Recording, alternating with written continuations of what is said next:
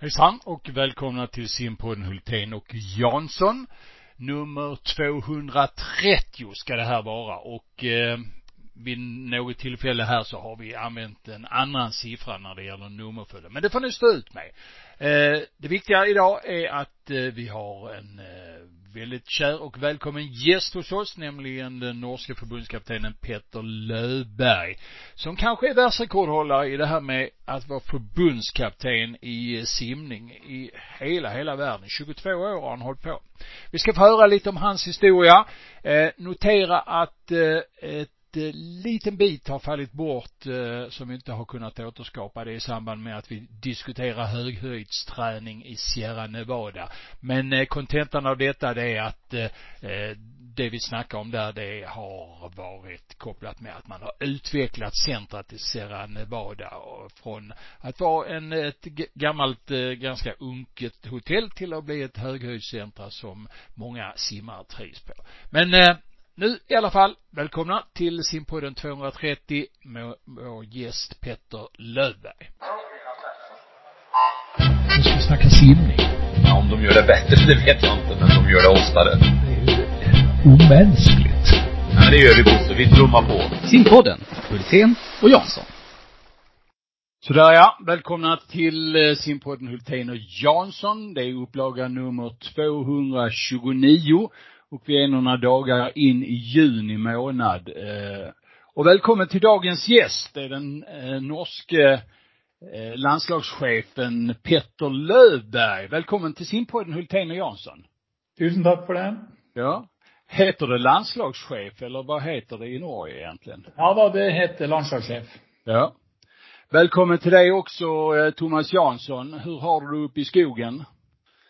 Det är bara fint här jag eh, har en väldigt god känsla när jag får höra det vackra norska språket från Petter så att det är bara bra. Mm. Petter, du är tillbaka i eh, Oslo nu. Ni har varit ute och seglat tänkte jag säga, men ute på resa. Var har du varit någonstans? Nei, da vi deltok eh, først eh, i Caneo og Barcelona på Mare Nordstrøm med landslaget, og så hadde vi en 14 dagers treningsleir i ettertid i Calella i, i Spania, rett utenfor Barcelona. Hvor det også, vi møtte en del svenske klubber, faktisk. Populärt ställe för både norska och svenska klubbar, Calella. Tycker du om det? Det skjønner jeg veldig godt, fordi det er en veldig lett reise ned der til til Barcelona, så er det kort vei eh, fra Barcelona. Så vi hadde utøvere som kunne reise hjemmefra også eh, klokka halv sju om morgenen. Så var de på treninga klokka elleve på formiddagen. Det sier litt om kort avstand. Og, det er også et sted som har et veldig godt, eh, flott anlegg med styrkerom og gode fasiliteter, og et godt hotell med, med veldig variert og god mat som ligger rett ved siden av. Så alt på samme sted. Det er sånt vi liker det, i hvert fall når vi legger samlinger. Så jeg skjønner godt mm. at det er mange nordiske klubber der. Mm. Du, hur, hur stor grupp hadde du med deg? Du, det var eh, ikke noen veldig stor gruppe. Det var ni svømmere totalt. Vi hadde også to hospitanter, to juniorer med i den gruppa. Og så hadde vi selvfølgelig også Hanna Rosvald fra Sverige, som da trener på elitesenteret i Bergen, og som har fulgt mye av det norske eh, landslagsopplegget si, eh, siste sesong. Mm. Och ni har själv också en eh, duktig ryggsimmerska, vad jag vet va? Eh, på landslaget. Ja da, vi har Ingeborg Vassbakk Løyning. Hun er, befinner seg nå i Australia og trener mm. Så eh, Hon var inte med i Spanien? Hon var inte med där, nej. nej. Du, eh, om vi tittar fram den här säsongen, vad är det främst det här gänget jobbar med mot världsmästerskapen? Hur många är det som kommer att delta där av de här som var med nu i Spanien? Nei det er, det altså Per i dag så det fire som er kvalifisert. Eh, og vi har en liten mulighet nå til helga med å ta med et par eh, til. Men sånn som jeg ser det, så er det vel mest sannsynlig at det blir ikke noe større tropp enn fire svømmere. Som alle i den internasjonale kvalifiseringsperioden vært under A-krav. Tre av dem har vært under A-krav også i vår kvalifiseringsperiode. Og én mangler 11 hundredeler på, på A-kravet der. Så vi, vi, eh, det snakk om at det blir ikke en like stor tropp som Sverige, nei, som har nej. 14 svømmere ute. Altså, är, är du fornøyd med att ha fyra svømmere med, eller var målsättningen lite høyere?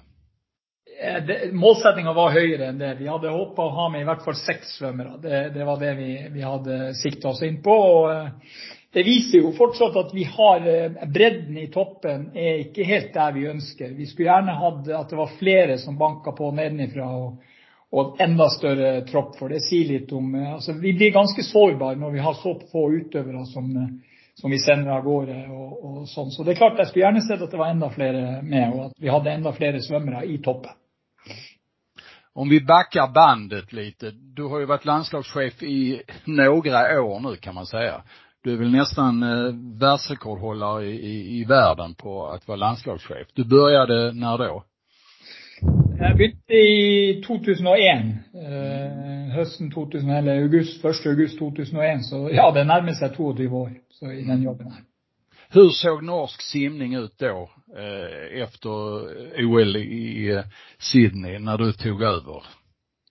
Eh, nei, Det var jo i, i grunnen kanskje en lett jobb for meg å, å gå over i, fordi at eh, vi hadde jo ingen utøvere med i Sydney i 2000. Eh, følte vel når jeg gikk inn i den jobben, eh, var vel ikke i tankene da. Jeg var jo egentlig i en fulltidsjobb og trente en klubb ved siden av, men fikk da muligheten til å, gå inn. og I utgangspunktet skulle det være en treårsjobb frem til 2004. Eh, Det jeg følte den gangen, det var kanskje at norsk svømming var der at vi hadde en, kan du si, dårlig internasjonal prestasjonskultur. Eh, vi hadde kanskje mer en kvalifikasjonskultur hvor det var om å gjøre å komme med til store mesterskap.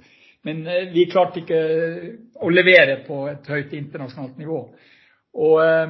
Eh, sånn at De første tankene jeg hadde det var jo å se på eh, hvis vi skal løfte norsk svømming, hva er det de beste faktisk i verden gjør? Eh, hvor ligger vi etter i forhold til treningskultur? For jeg tror det er vanskelig å bli best i verden hvis vi ikke er oppe og trener med de beste i verden. Så det første vi måtte gjøre noe med, det var jo faktisk å endre treningskulturen og endre kanskje forståelsen både blant utøvere og trenere på hva som kreves for å nå det absolutt høyeste internasjonale nivå. En del av de grepene vi gjorde, var jo å sende etter hvert svømmere ut i internasjonale miljøer. Vi fikk jo aldri nei på det. Vi sendte utøvere rundt hele verden for å hente inspirasjon, eh, for å se at det er to armer, to bein. Og så hadde vi et veldig tett samarbeid hvor jeg var veldig glad for at Sverige, som vi følte var lillebror, dere hadde jo en helt annen kultur i forhold til resultatet internasjonalt.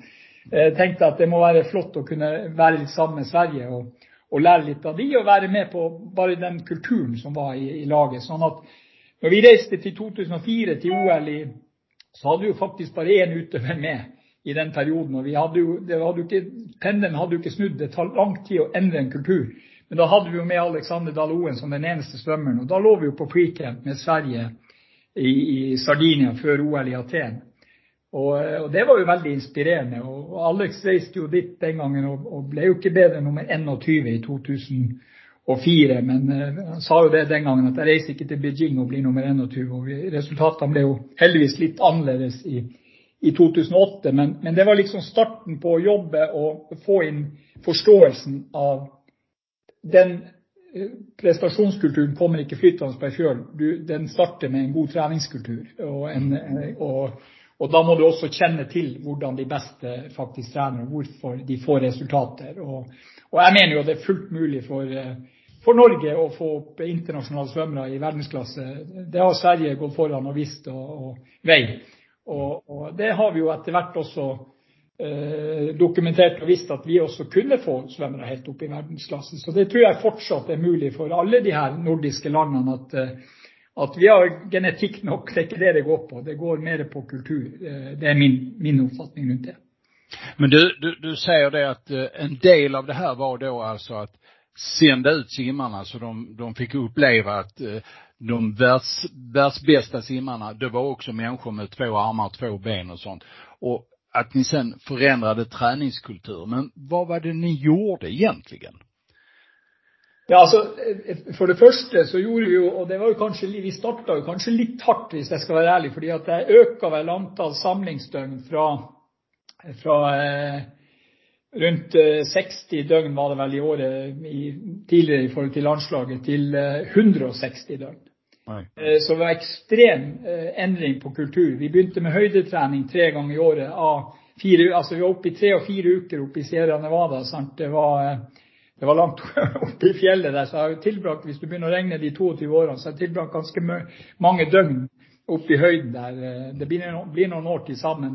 Men, det var liksom der vi, dundra til, for å si det mildt. Og, og jeg tror nok at det ble en voldsom start for mange i den fasen der. Men det var egentlig en markering at nå må det, må endres en forståelse av treningskultur. Sånn at uh, det var en voldsom satsing. og Vi, dro det jo litt ned etter hvert, men de første årene der så var vi, mye på samlinger. Det var, det var vi.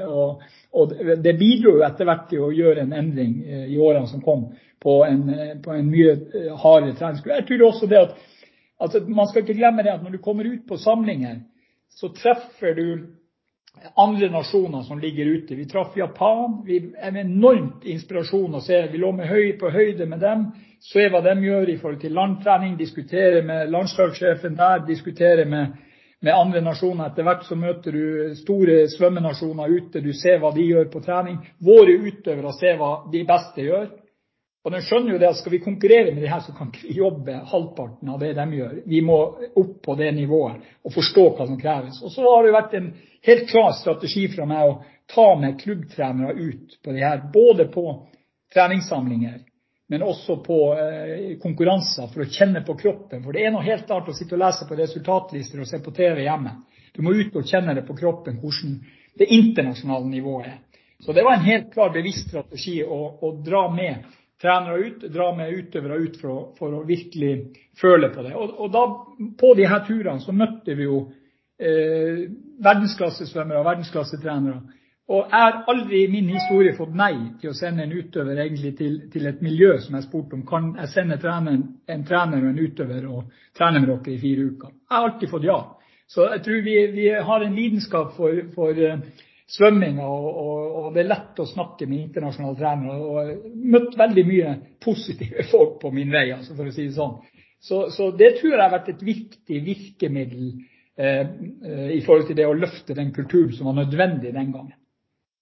Du, du, du berättar här att uh, du tog med klubbtränarna ut och det, det, var egentligen min nästa fråga. Hur kunde man sen implementera de här tankarna och de här idéerna om, om en tuffare träning och mer engagerad träning i klubbarna. Men det var så att säga via att ni tog med tränarna ut och att de sedan eh, fick göra jobbet hemma. Men hur, hur, kunde du styra det på något sätt?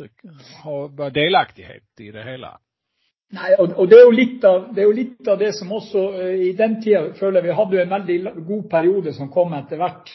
Og, og, det er klart at eh, Da ser jo trenerne også at resultatene kom jo mer og mer i perioden. I neste periode, fra 2-4 til 2-8, så hadde du en, en voldsom Og i, i, i perioden fra, ja, fra 2006 til 2012, på, på, på de seks årene, så, så vant vi jo 29 internasjonale medaljer eh,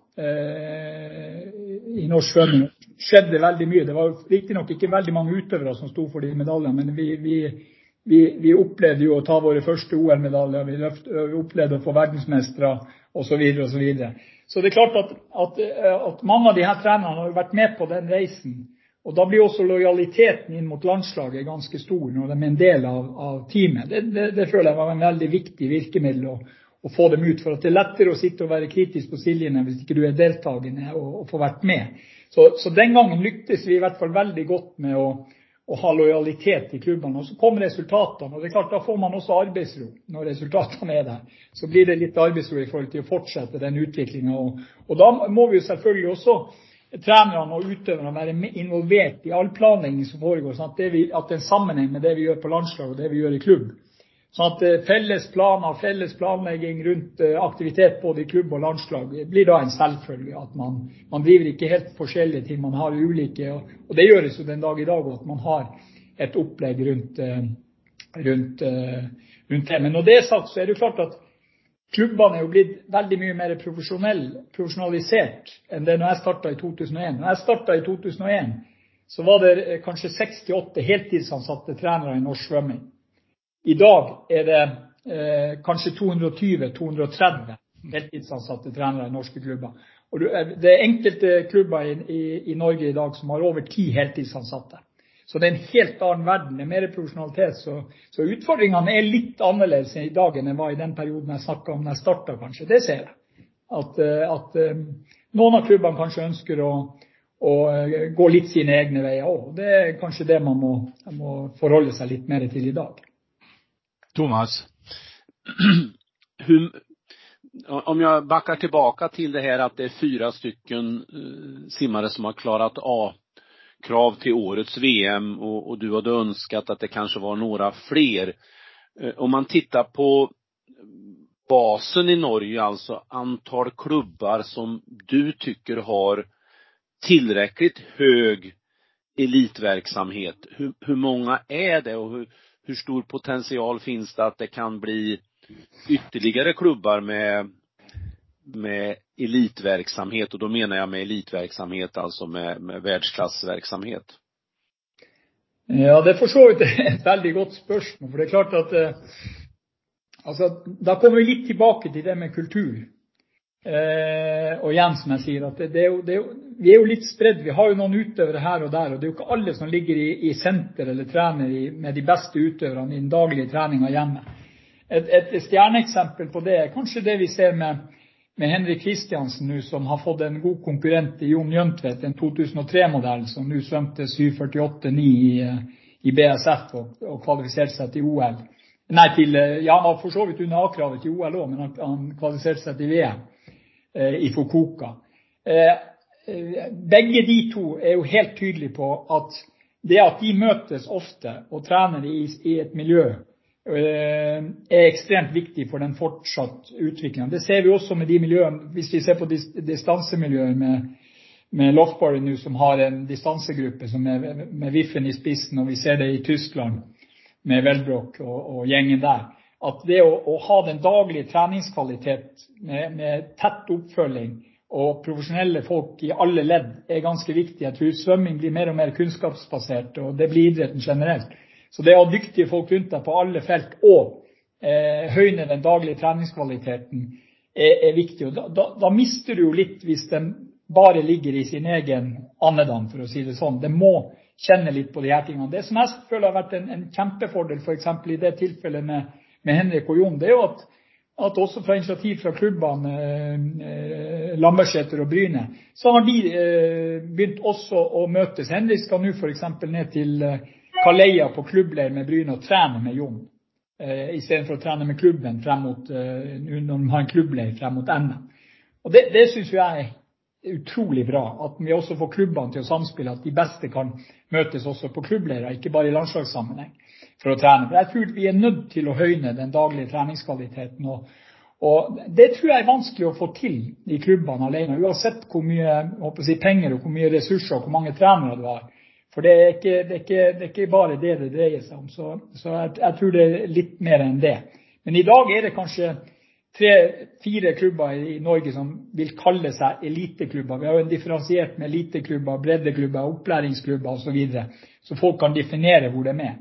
Men, eh, eh, fortsatt så føler jeg at, eh, den ekspertisen vi får, som jeg mener har vært en del av, årsaken til de gode resultatene vi har hatt i en periode over tid, og hvor vi ser de beste som vi har hatt internasjonale medaljer med, har jo benytta seg veldig godt av det ressursapparatet vi har gjennom Olympiatoppen i Norge. Og Det er mye dyktige fagfolk innenfor veldig mange felt. Og Det er jo mange av de her som benytter seg av det nesten daglig eh, i, hverdagen, også både i klubb og i landslag. Eh, Jämt stanna till lite kring miljöer men ner på lite nördnivå. Eh, ni har ju varit ganska mycket, som du själv nämnde, på höjdläger. Och jag försöker ju följa langrenn ganska mycket även i langrenn i Norge då, men väldigt mycket på höjdläger. Är det en självklarhet för alla nationer att at en del av förberedelserna måste vara på höjd som du ser det eller hvor hur stora individuella eh, hänsyn tar man? Ja, det er også en del av de tingene som jeg mener er, er misforstått ute. Som jeg sier, jeg har vært ganske lang tid i høyden, og vi gjør jo ganske mye måling både i forkant og etterkant av høyde for å sjekke. For å si det sånn at Stort sett så har vi bare respondere på høydetrening. Det vil si at at de kommer hjem i, god tilstand, for å si det sånn. Men, men, det krever jo en veldig individuell oppfølging, og det må du være veldig mye nøyere med i høyden. Eh, du kommer ikke opp der og dundrer til fra første dag. altså Du må ha en klar plan for hva du gjør i høyden. Både inngang til høydelæring, være godt nok trent, eh, rolig inngang, du må ha en rolig start, du må ha en rolig utgang, du må vite hva du gjør når du kommer hjem. Det må være et, ganske godt regime rundt høydetrening, for å si det sånn. Og, Jeg skjønner jo godt at det er mange nasjoner, mange klubber og mange som sier at nei, vi ikke respondere på høyde. For eh, Vi ser det med selvsyn, folk som kommer opp der og trener eh, villmann og tror at eh, det her går bra, men det gjør det ikke. Så, feil, Du kan gjøre mye større feil med å trene i høyden, med å trene for hardt i høyden og trene feil i høyden, og ikke ta de individuelle forhåndsreglene med, høydetrening. Men gjør du det, så har jeg ingen problemer med å se at høydetrening kan fungere for, alle. Men selvfølgelig er det viktigst for de som har aerobe distanser. Hvis du ser på det, så er jo ja, 400 og oppover, så er det jo ekstremt mye overvekt av hvor du trenger mer aerokapasitet enn anarob-kapasitet. Så du kan si at gevinsten er nok større for 400 opp enn det er for kortere distanser. Men vi ser jo også at dere har jo i Sverige hatt svømmere som har vært i høyden og kommet ned og satt verdensrekorder på 50 rett etterpå. Så, og det har jo vi også opplevd av svømmere i høyden som har tatt medalje i VM på 50. Sånn at, at, jeg, jeg, har ikke vært, jeg er ikke spesielt redd for det. Jeg er bare opptatt av at treninga må styres. Og det er jo ting jeg mener som er kanskje mye Hvis du snakker om hva som har vært endringer i denne perioden, så er vi jo i dag mye mer bevisst på intensitetsstyring og individuell styring enn man kanskje var før i tida. Eh, hvor, det var noen som overlevde, og de sterkeste overlevde, og noen gikk i veggen, og det var mange knuste egg. Og så er det de som er smart, som overlever. Eh, I dag er det mye mer eh, kontroll og og individuell styring. Så, så, Det gjør at jeg mener at uh, det er jo en grunn til at vi reiser i høyden. Ikke, det er jo ikke det at vi elsker å være i 90 eller 80 eller 90 døgn i steder i seg sjøl, for det er jo et stille og rolig sted. Men, uh, vi har mange gode og positive opplevelser. Det blir mange gode turer. Vi alle, Støtteapparatet kommer i god form av å være der oppe. Vi får mange flotte turer i høyden. Så, så det er absolutt å anbefale. Om de gör det bättre, det vet jag inte, men de gör det oftare. Omänskligt. Ja, det gör vi Bosse. Vi trummar på. Simpodden, Hultén och Jansson. Du berättade tidigare att när du startade strax efter eh, sekelskiftet så fanns det ungefär 8 till 10 heltidsanställda svömmetränare i Norge. Idag är det 200. Eh, för det första, första frågan är liksom, hur har den utvecklingen kunnat komma? Den, den, den ser jag att den fanns i Sverige långt tidigare, men hur har den varit möjlig? Och sedan, eh, vad har det gjort för norsk simning? Har, har den här större eh, kadern av anställda tränare, har det utvecklat simningen eller hur ser du på det? Ja, det er også en god, eh, godt spørsmål, vil jeg si. fordi at, eh, Jeg vil jo si at i starten så var jeg jo ekstremt eh, positiv til at jeg ser her at, klubber, ansatte, ungdomsutviklere og dyktige trenere nedover i alderen som, som kunne ivareta god teknikk tidlig og, videre. Det var veldig mye som skjedde.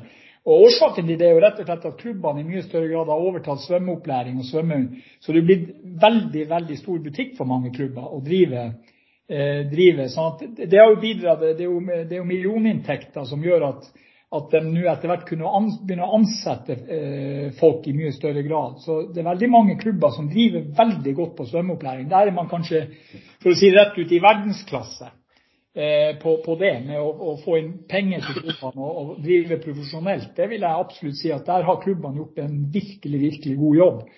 Mens eh, jeg stiller jo mer spørsmål med det andre spørsmålet om hvor mye det har bidratt til å utvikle toppidretten.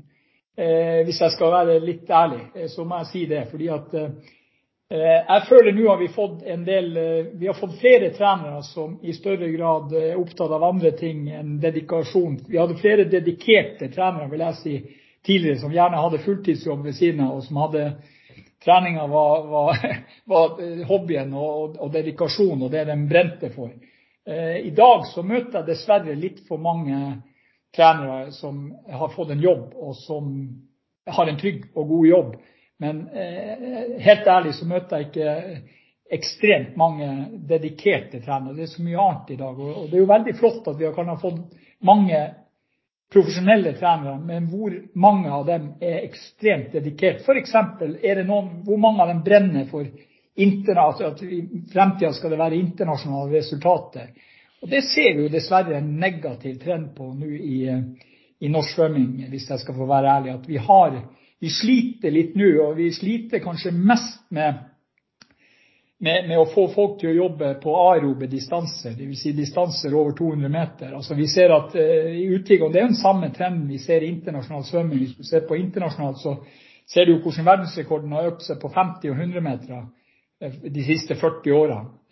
Voldsomt i forhold til, til resultatet. Mens på, de lengre distansene så ser vi ikke den prosentvis samme utviklinga. Og, vi ser det færre og færre. I norske mesterskap kan vi ha 10-12 stykker med på på 800 og 1500, mens det er 60-70 stykker med på 50 meter. Sånn at vi ser at trenden i klubbene er også at de i altfor ung alder, etter min mening, eh, spisser det mot kortere distanser, sprint og enkeltdistanser. Dermed så mister de muligheten av å jobbe allsidig med, det svømminga har. faktisk. Vi har jo mye allsidighet i å kunne trene medley, trene kick, trene som en femte svømmeart osv. Dette er en, en trend som, jeg ikke syns har vært så positiv å se. Det, kan dokumenteres når vi går inn og ser på resultatlister fra våre årsklassemesterskap og juniormesterskap de siste årene, at, ja, vi blir litt bedre på 50 og 100, men det går i feil retning med de aerobe distansene. Vi, ser jo exakt samme trend i Sverige förstås och, precis som du sa i många andra länder. Eh, och det är ju på ett vis då eh, lite oroväckande och en annan som är lite nostalgisk och liksom tycker att, ja, man, man saknar den där eh, de längre distansernas härliga och viktiga del för simningen. Men är den så viktig? Är det dags för svömming och strunta i de längre distanserna och, och säga att simningens format ska vara 1 till 400 på lagkapper? Ja, altså, jeg skjønner jo spørsmålet. Jeg syns jo ikke det. Eh, men, eh, jeg skjønner spørsmålet. For det er klart at, vi ser jo det også at det er en kortere vei frem i internasjonalt hvis du, er villig til å satse på, eh, distanser. Vi ser jo også den trenden hvor det spisses i toppen på 50 og 100 meter. Hvis du ser på, finalenivået for 20 år siden i et VM, eller noe sånt, så var det større spredning fra nummer 1 til nummer 8 enn det enn det er i dag. Det er mye tettere i, toppen. Og, det er jo ingen finalister for 20 år siden. Eh, faktisk ingen nesten gullmedaljevinnere, med unntak av et par øvelser, som ville vært i finalene på noen øvelser i dag. Så, det er klart at Og jeg ser jo hvor, Så det er ikke bare i, som du sier, i Norge eller Sverige det her skjer. Det skjer jo veldig internasjonalt òg. Så det er klart at det er en fare hvis det blir for få som satser på de lengre, distansene. Den, ser jeg. men men eh, vi ønsker, vi må gjøre det vi kan for å, for å motvirke det, syns jeg. Jeg håller helt med deg. Men du, hvordan er det med, med simningen i Norge hos allmennheten? Eh, altså, jeg brottas jo med og er frustrert over at eh, simresultat ikke vurderes lika høyt som andre idrottsresultat. Hvordan er det i Norge? Jeg, jeg, tror du har uh, rett.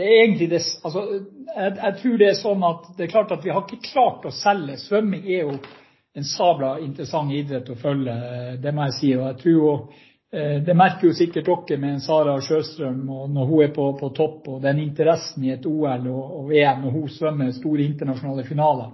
Det er klart det, er jo et stort spørsmål hvorfor ikke enda større Eh, mediedekning rundt en, så sterk utøver og en verdensklasseutøver, f.eks. Og dere har hatt flere opp gjennom årene. Og, og, det samme har vi jo sett i norsk svømming. Vi har jo også hatt verdensmestere. Vi, vi, så jo det at interessen ble enorm når vi fikk opp en Alexander Dahl Oen som verdensmester og tok olympisk, medalje osv. Eh, og da øker jo Da begynner folk å bli nysgjerrige når det sendes. Da begynner folk å følge med. fordi vi er jo litt sånn, og det er klart at i Norge så er det vinteridretter som sendes på TV. Og Det er jo der folk sitter klistra. Og nå er det jo veldig mye av nesten Norge igjen på, langrenn. Man mister jo litt interessen hvis det bare blir nesten som et norsk mesterskap i langrenn. Men, folk er opptatt av å se gode eh, dueller og, gode ting. Så jeg tror nok at, at Så tror jeg litt det her at, fotball f.eks., som skrives i bøtter og spann, følges med. Det, alle TV-nasjoner følger alle de her elitekampene i fotball hjemme. Eh, og Det er kanskje for at både journalister og alle er interessert i fotball. Altså Det er der, er interessen ligger. Eh, og, den ligger på vinteridretter, hvor de har vært med ute på banen. Og Så følger, man hverandre i flokk. Så vi har vel ikke klart å nå inn til media. Det må vi vel erkjenne sjøl at vi er for dårlige å selge idretten vår, uh, tror jeg. Altså vi, klarer ikke å få frem gode internasjonale resultater eller få folk til å tenne på. For at det må sendes, det må komme ut til, det gode, til hele folket for at folk skal få, interesse. Og, jeg merker jo det, I den perioden vi hadde gode resultater, så var det veldig mange som faktisk begynte å følge med svømming. Og det var gode sendinger fra f.eks. Europamesterskapene. Da var det ganske mange, flere og flere, som, faktisk fulgte med. Så vi, vi, må jo få til det. Og da må vi jo spørre oss hvorfor vi ikke får til det. Alltså, jag kan ju tycka också det här att vi inte har lyckats förmedla att vi är en så global idrott att alltså konkurrensnivån på simning är ju oerhört hög. Va? Den tål ju att jämföras med i stort sett alla idrotter. Ja, absolutt. Og, eh, og, hvis du ser også interessen rundt OL, så er det vel eh, Er, er det ikke den nest mest sette idretten under OL? Ja. Mm, det stemmer. Ja. Så, så, det er klart at, at, her er det et eller annet sted vi ikke, ikke helt, helt, får det til. Så, så, i dag så er nok nå, nå har det vært litt stille rundt resultatet igjen. Da, da er det relativt lite sånn allmenninteresse. Det er fortsatt fotball og, og vinteridretter som det er hovedfokus på dessverre. Eh, du pekar på att det är de stora resultaten, de stora simmarna som skapar intresset. Men finns det någonting för oss i simningen som vi kan skruva på för att göra simning mer intressant? Kan vi förändra formatet som Thomas var inne på? Ska vi ta bort eh, långdistanserna eller vad ska vi göra? Ska vi gå ner och simma 25 meter eller ska vi hitta andra typer av upplägg? Har ni funderat och diskuterat det i norsk simning? Nei, men, jeg, ser jo poenget det og, og er jo litt sånn med konkurranser også i, Norge. sant? Du har, jo fortsatt en del maratonkonkurranser hvor, det tar lang tid med både premieutdeling har hit f.eks. Det er vanskelig å sende med, veldig mange Så det er jo ikke så interessant. Og vi ser jo det at gjennom det ISL når de kjørte, eh, så, var det jo en del eh, bra interesse og bra, altså bra, konsept i forhold til det konkurranseaspektet. Det ble hurtig, det var effektivt, det var kjapt, kjapt osv. Der, har de jo tatt bort uh, de lange distansene. Og, det var jo en, måte nettopp å, holde opp interessen. Så, så jeg ser jo at, det er klart at,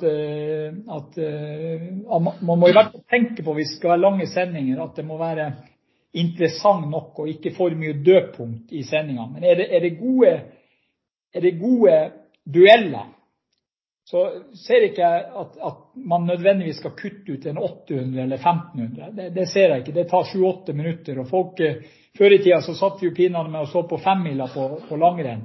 Og det var hele Norge satt og fulgte med femmila. Så, så, så, så, jeg tror klarer man å skape interesse rundt de duellene som er, så, så tror jeg det skal være mulig også å skape interesse rundt en, at ikke det skal være nødvendig å kutte de lengre distansene for å få opp interessen. Jeg tror eh, det er mer å få gode dueller.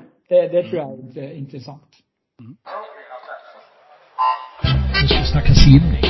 Ja, om de gör det bättre, det vet jag inte, men de gör det oftare. Det är ju omänskligt. Ja, det gör vi Bosse. Vi trummar på. Simpodden, Hultén och Jansson. Ja, då är ni välkomna in i eh, andra halvlek av eh, det här snacket med norsk eh, landslagschefen Peter Löfberg som vi har.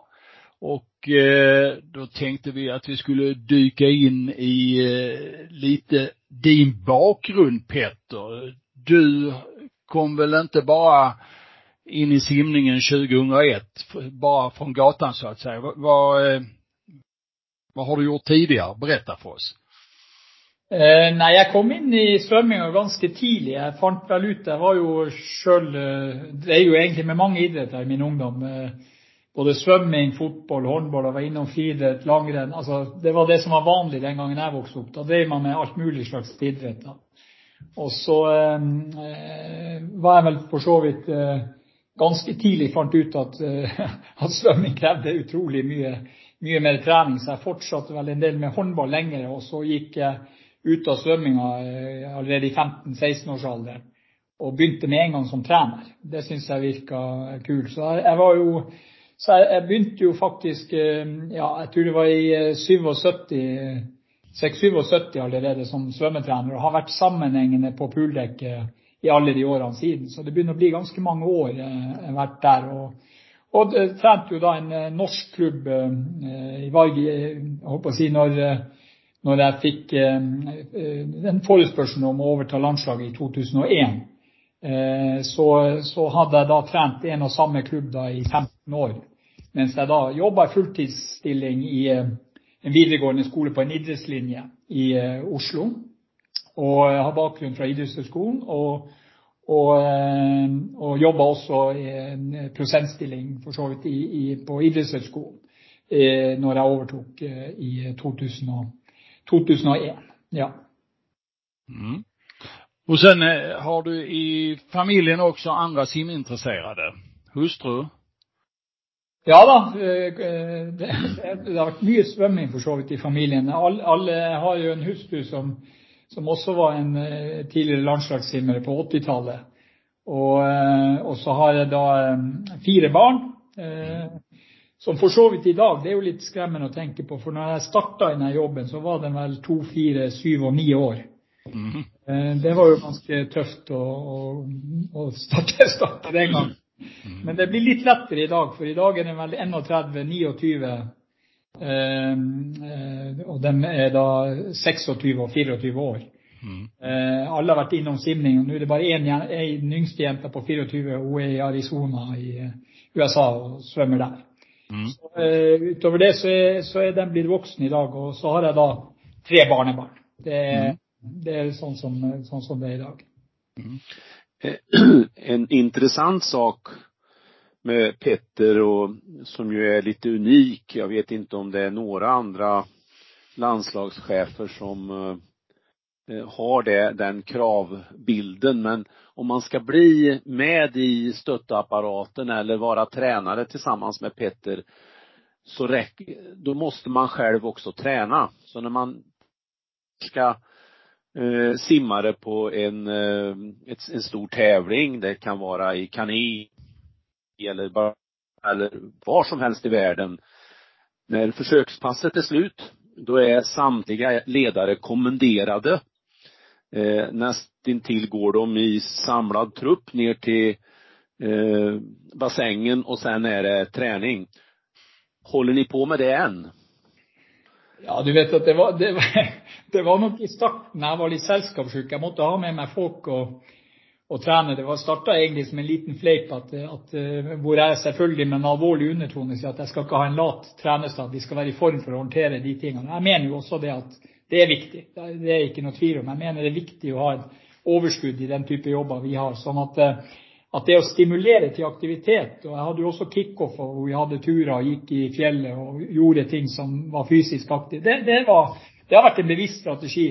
Men det er jo ikke alle som likte å, å svømme. sånn at uh, Vi slapp jo opp etter hvert på at de trengte ikke å svømme, men det var krav om, å enten løpe eller styrketrening eller sykkel eller og, I dag så trenger jeg egentlig ikke å be om det, for å være helt ærlig. I dag er det en utrolig bra kultur blant de norske klubbtrenerne som er med.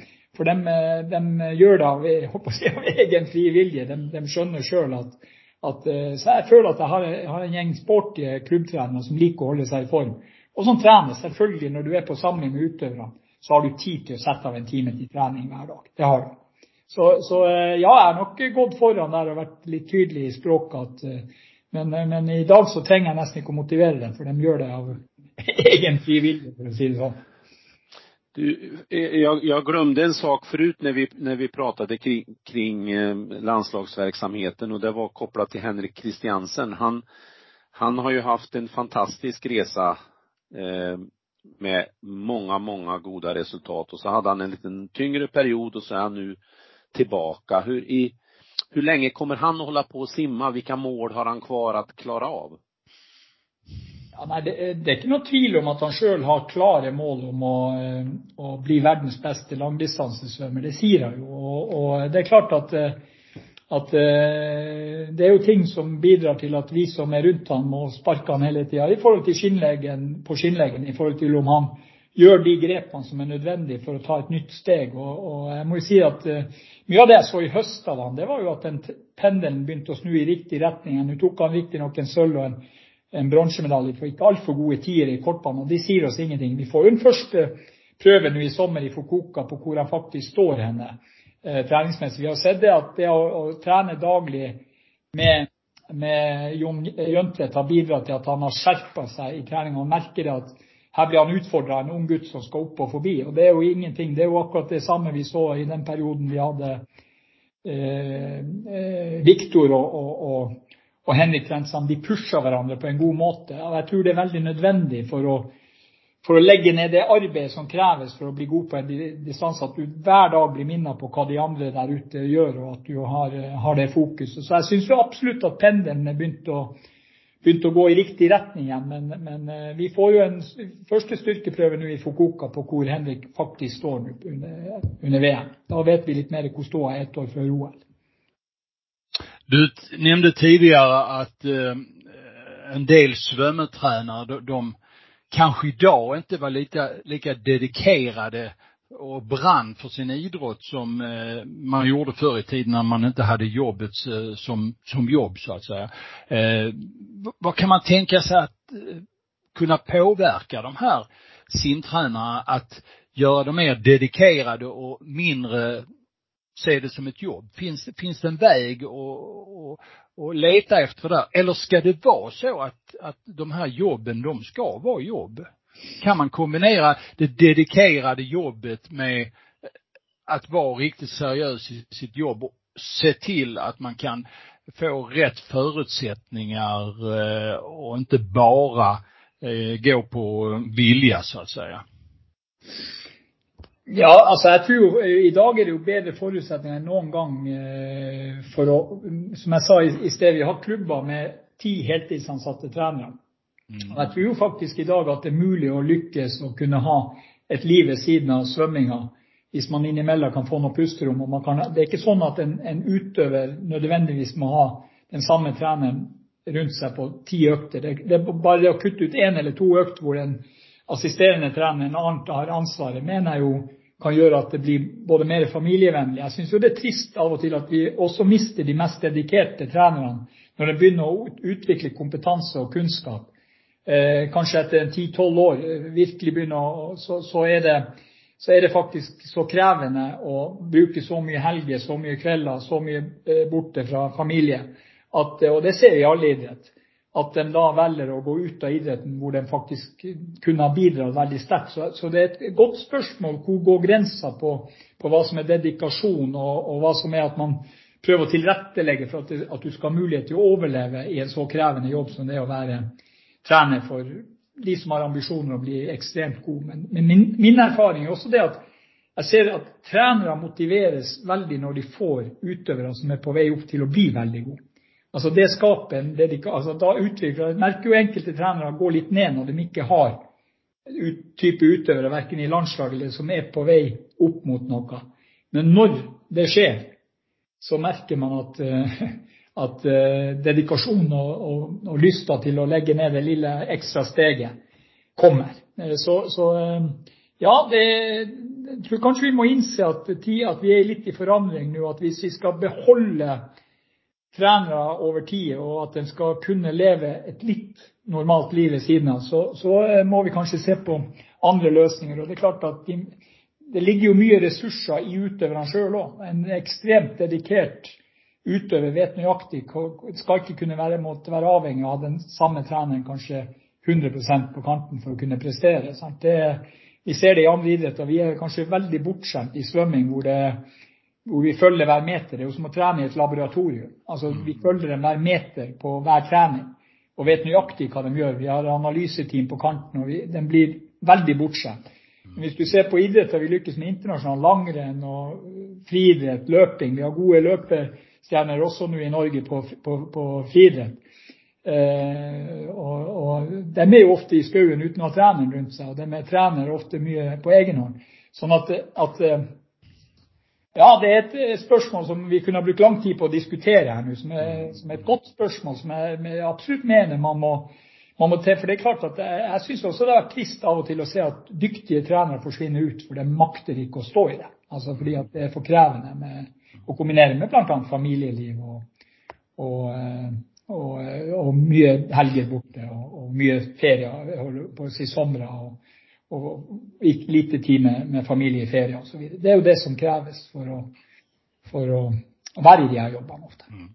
Jag upplever att svagheten hos simningar, och jag tror det är på, i, över hela världen mer eller mindre, det är just det här knytningen, bindningen mellan tränare och adept. Va?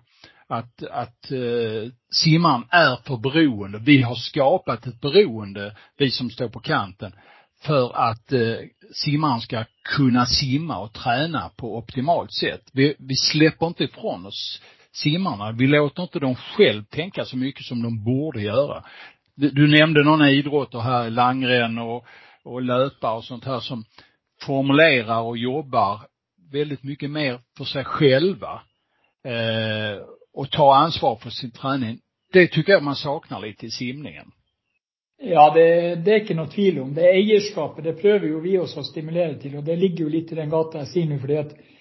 det er som du sier, vi, ser jo også det at eh, trenere det, kan være en utfordring innimellom, eh, sånn inn mot landslag og sånn, at, eh, det er ikke alle som er like begeistra for å sende av gårde utøverne sine. For som sier, eierskapet er kanskje enda sterkere hos, enkelte trenere enn det er hos hos uh, utøverne syns jo det er veldig positivt å komme ut og hente ny inspirasjon. For uh, det er jo et ganske monotont miljø de ligger i i hverdagen.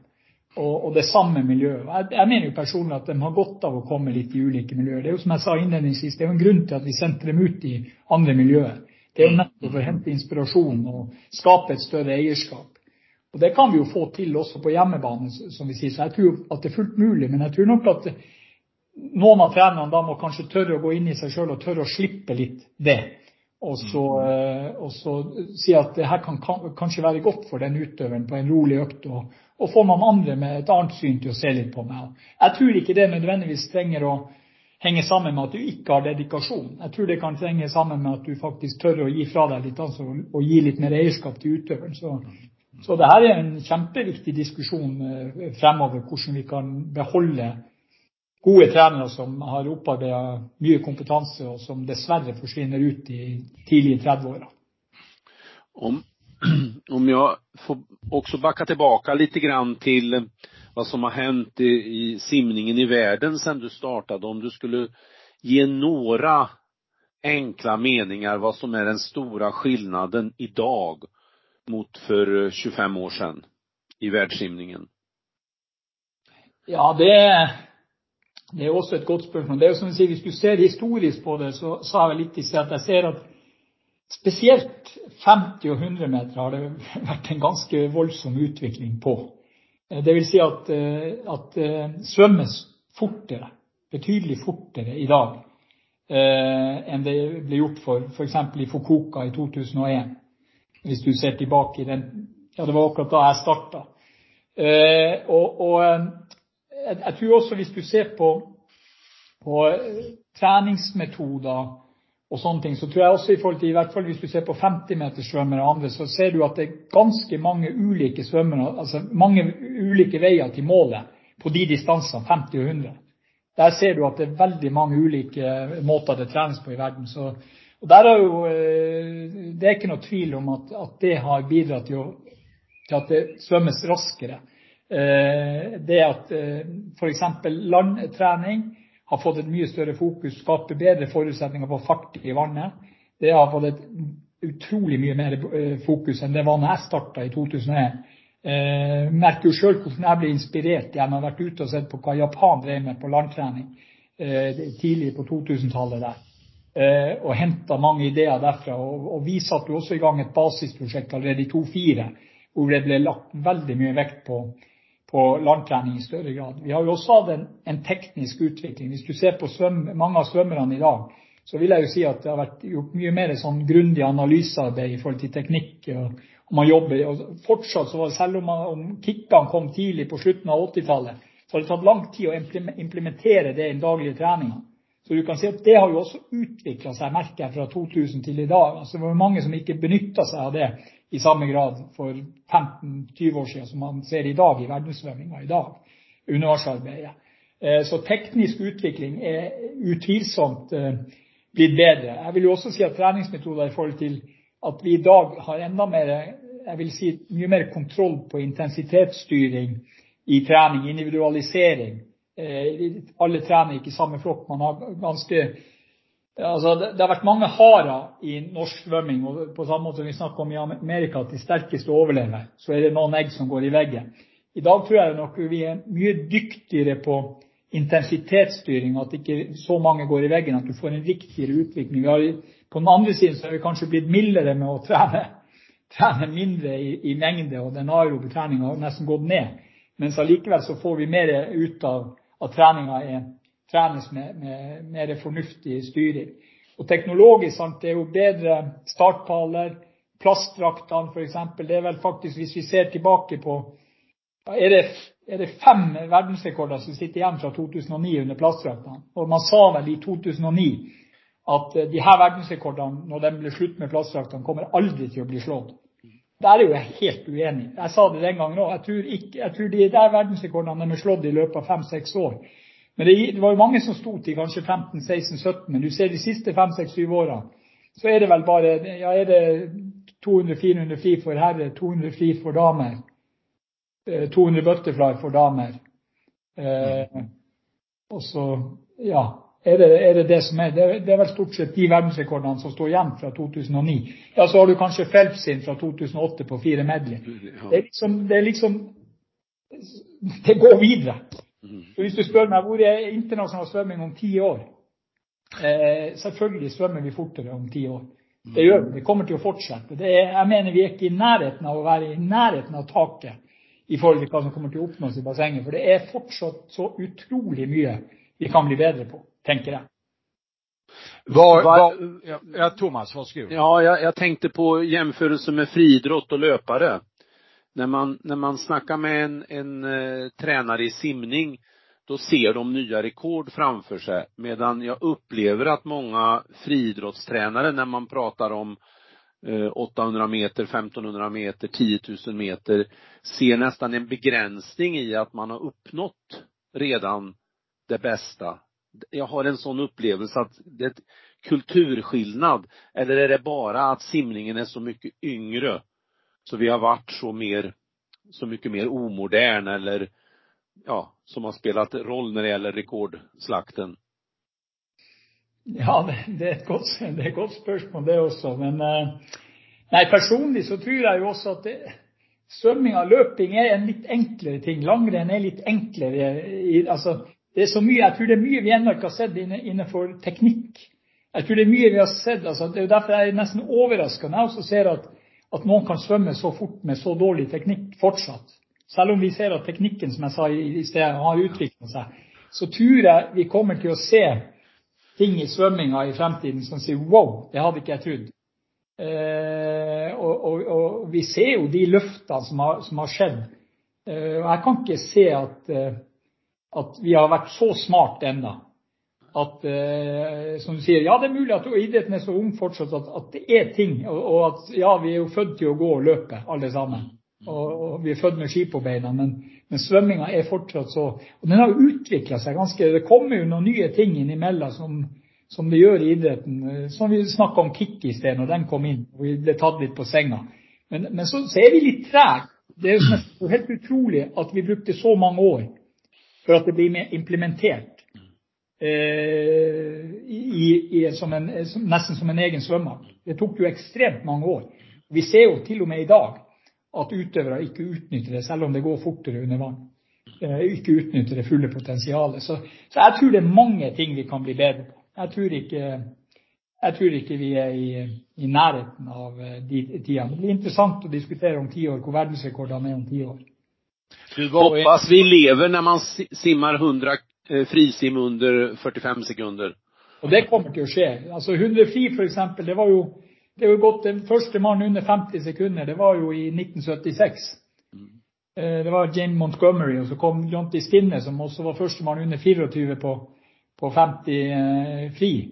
Og så ser du, så går det jo eh, Hvor mange år gikk det før det ble eh, en mann under 49? Det var vel eh, Bjondi i 85. Og så eh, går det ytterligere en del år før Hågenbang går under 48 i, i 2000, sant?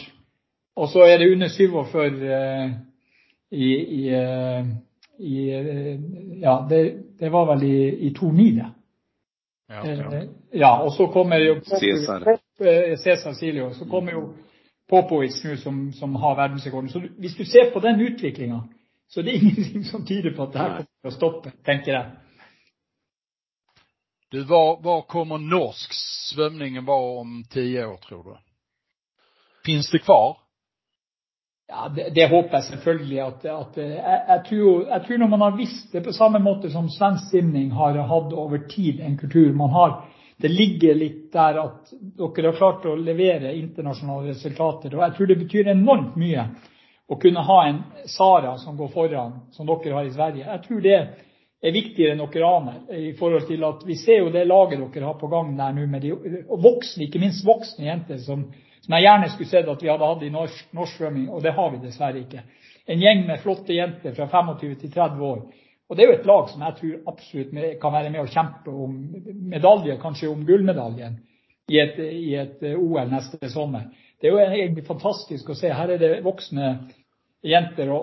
Sara har jo gått foran og vist vei i hele denne perioden. Og det å ha en sånn som viser gjennom resultater at det er mulig, tror jeg er viktig for å stimulere til de som kommer bak. Og det har jo vi også sett har vært viktig for også på tvers når vi hadde noen ledestjerner som, vi hadde på, i, den perioden fra 2004 til 2008, når vi begynte å levere internasjonale resultater, så var det en ledestjerne som gikk foran og viste vei. Og da åpna det seg noen andre som kom bak, og som plutselig også begynte å ta, ta medaljer, internasjonale medaljer. Så jeg, tror det er viktigere enn vi er, klar over. Så for, norsk svømming er det utrolig viktig å få noen ledestjerner nå. Derfor er det så viktig at vi lykkes med de få vi har. Eh, Sånn at eh, vi inspirerer de som kommer bak til å, til tørre å satse. I, det, i tillägg till det ska man också kanske säga att eh, Therese Alshammar och Lars Frölander också visade vägen genom att simma på hög nivå upp i åldern runt 30. Så summan av det här har varit väldigt bra för svensk simning. Mm. Absolut. Ja, vi har nästan kommit till vägs ände här nu eh, med Petter. Det var, har varit eh, en intressant stund att få höra lite om eh, dig och norsk simning och dina tankar.